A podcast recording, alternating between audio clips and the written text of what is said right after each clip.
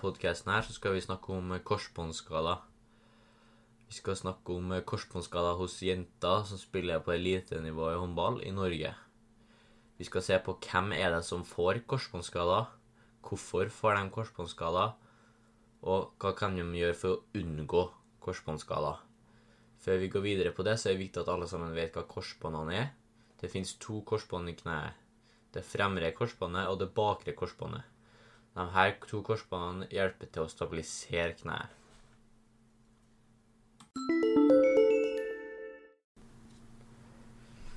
Eh, Nå skal vi se på hvem er det som eh, får korsbåndskader. Eh, Vi skal da gå inn på en artikkel av Langtvord G. Mykelbrust, som tok håndballskader innenfor en internasjonal turnering. Eh, han fant ut da at elite kvinnelige spillere fikk 0,82 korsbåndskader per 1000 kamptime. Mens herrene fikk 0,31 korsbåndskader per 1000 kamptime. Her er da forskjellen mellom Norge og generelt kvinner er at Norge fikk 2,29 korsbåndskader per 1000 kamptime. Det er nesten to mer korsbåndskader enn resten av kvinnene som var på 0,82. Man ser også en klar forskjell i hvor man spiller på banen om man skal få korsbåndskader. Hvor backspillere får veldig mange korsbåndskader, og wingspillere får en del korsbåndskader, og linjespillere og keepere nesten ikke får noen. Jeg sier ikke at det er sånn at hvis man spiller linje eller keeper, så skal man ikke ta hensyn til korsbåndet. Det er bare veldig mye mindre sjanse for at linjespillere og keepere får en korsbåndskade. Det er også viktig å ta hensyn til om det er en match eller trening. Hvor da i en match så er intensiteten mye høyere enn på trening, og da vil sjansen for å få en korsbåndskade øke. Det handler også om hvilket nivå du spiller på, og hvor gammel du er. Hvis du er en ung spiller som spiller på et elitenivå, så kan det være tøft, og det er høyere sjanse for å få en korsbåndskade. Nå som vi vet hvem som får korsbåndskader, skal vi se på hvorfor de får korsbåndskader. 90% av korsbåndskader kommer uten kontakt fra motstander. Det betyr at korsbåndskader som oftest kommer av at du kutter en bevegelse, eller at du lander etter et hopp. Når jeg sier kutte en bevegelse, så er det endring i bevegelsen. Så hvis du kommer rett fram, så går du mot høyre eller venstre, så vil det da skape en risiko for å få en korsbåndskade. Faktorer som gjelder under hoppet eller kutting av bevegelsen, er om at du er ute av balanse. Du blir dytta eller holdt av en annen spiller. Du prøver å unngå en kollisjon eller en annen spiller. Du har for bred fotstilling i teknikken din. Et eksempel her er da at du går opp for et hoppskudd, og du kommer i ubalanse, og du lander på ett bein. Dette vil da føre til indre rotasjoner i kneet ditt, som vil øke sjansen for at du får en korsbåndskade. En annen ganske vanlig situasjon er da en finte, hvor om du da har for brede føtter under finteteknikken din, vil du da få økt sjanse til å få en korsbåndskade. Det er også en helt klar forskjell mellom gutter og jenter når det kommer til korsbåndskader. Hovedgrunnen er hormoner, hvor hormonbalansen til gutter og jenter er forskjellig.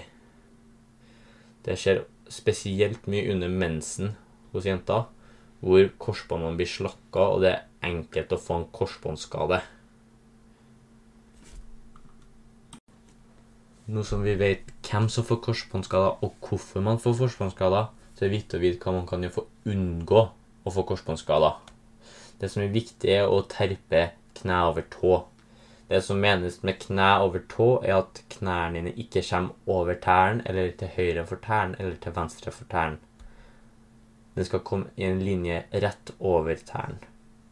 Dette er viktig på tofotslandinger, enfotslandinger og finteteknikk. Så er det viktig å terpe at man ikke skal gå for breit med beina når man skal kutte en bevegelse eller endre retning.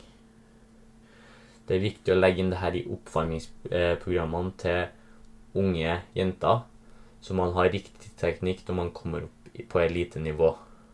Hvis det her da blir for lett for noen jenter, så kan man legge inn balansepute, balansebrett. Gjøre det vanskeligere med at man eh, har litt fart, hopper høyere, men at man alltid fokuserer på at man gjør det riktig fra starten. Det er viktig å gjøre det her tidlig, så at man ikke starter med feil teknikk og har økt risiko for korsbåndskader. Nå skal vi se på hva vi har lært. Vi har lært at korsbåndet er et bånd som ligger i kneet, som er fordelt til det fremre og det bakre korsbåndet. Det hjelper å holde stabilitet i kneet.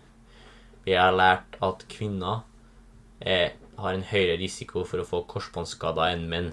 Spesielt norske kvinner som spiller på elitenivå, har høyest risiko for å få korsbåndskader. Vi har lært at intensiteten på match øker risikoen for korsbåndskader i forhold til trening. Og jeg har lært at hvilken posisjon du spiller på, har noe å si for sjansen for å få en korsbåndskade. Hvor bakspillere har høyest sjanse, etterfulgt av vingspillere, keepere og linjespillere. Vi har lært at korsbåndskader som oftest ikke kommer ved kontakt av en motstander, men heller under en kuttebevegelse eller landing etter et hopp. Vi har lært at faktorer som øker risikoen for korsbåndskade, er å være ute av balanse, bli dytta eller holdt av en annen spiller for å unngå en kollisjon med en annen spiller, eller ha for bred fotposisjon under utføring av teknikk eller landing på av et hopp. Vi har lært at det å gjennomføre oppvarmingsprogram med kne over tå, tofotslandinger, enfotslandinger og riktig teknikk under finting er viktig for å unngå korsbåndskader og minske risikoen for korsbåndskader.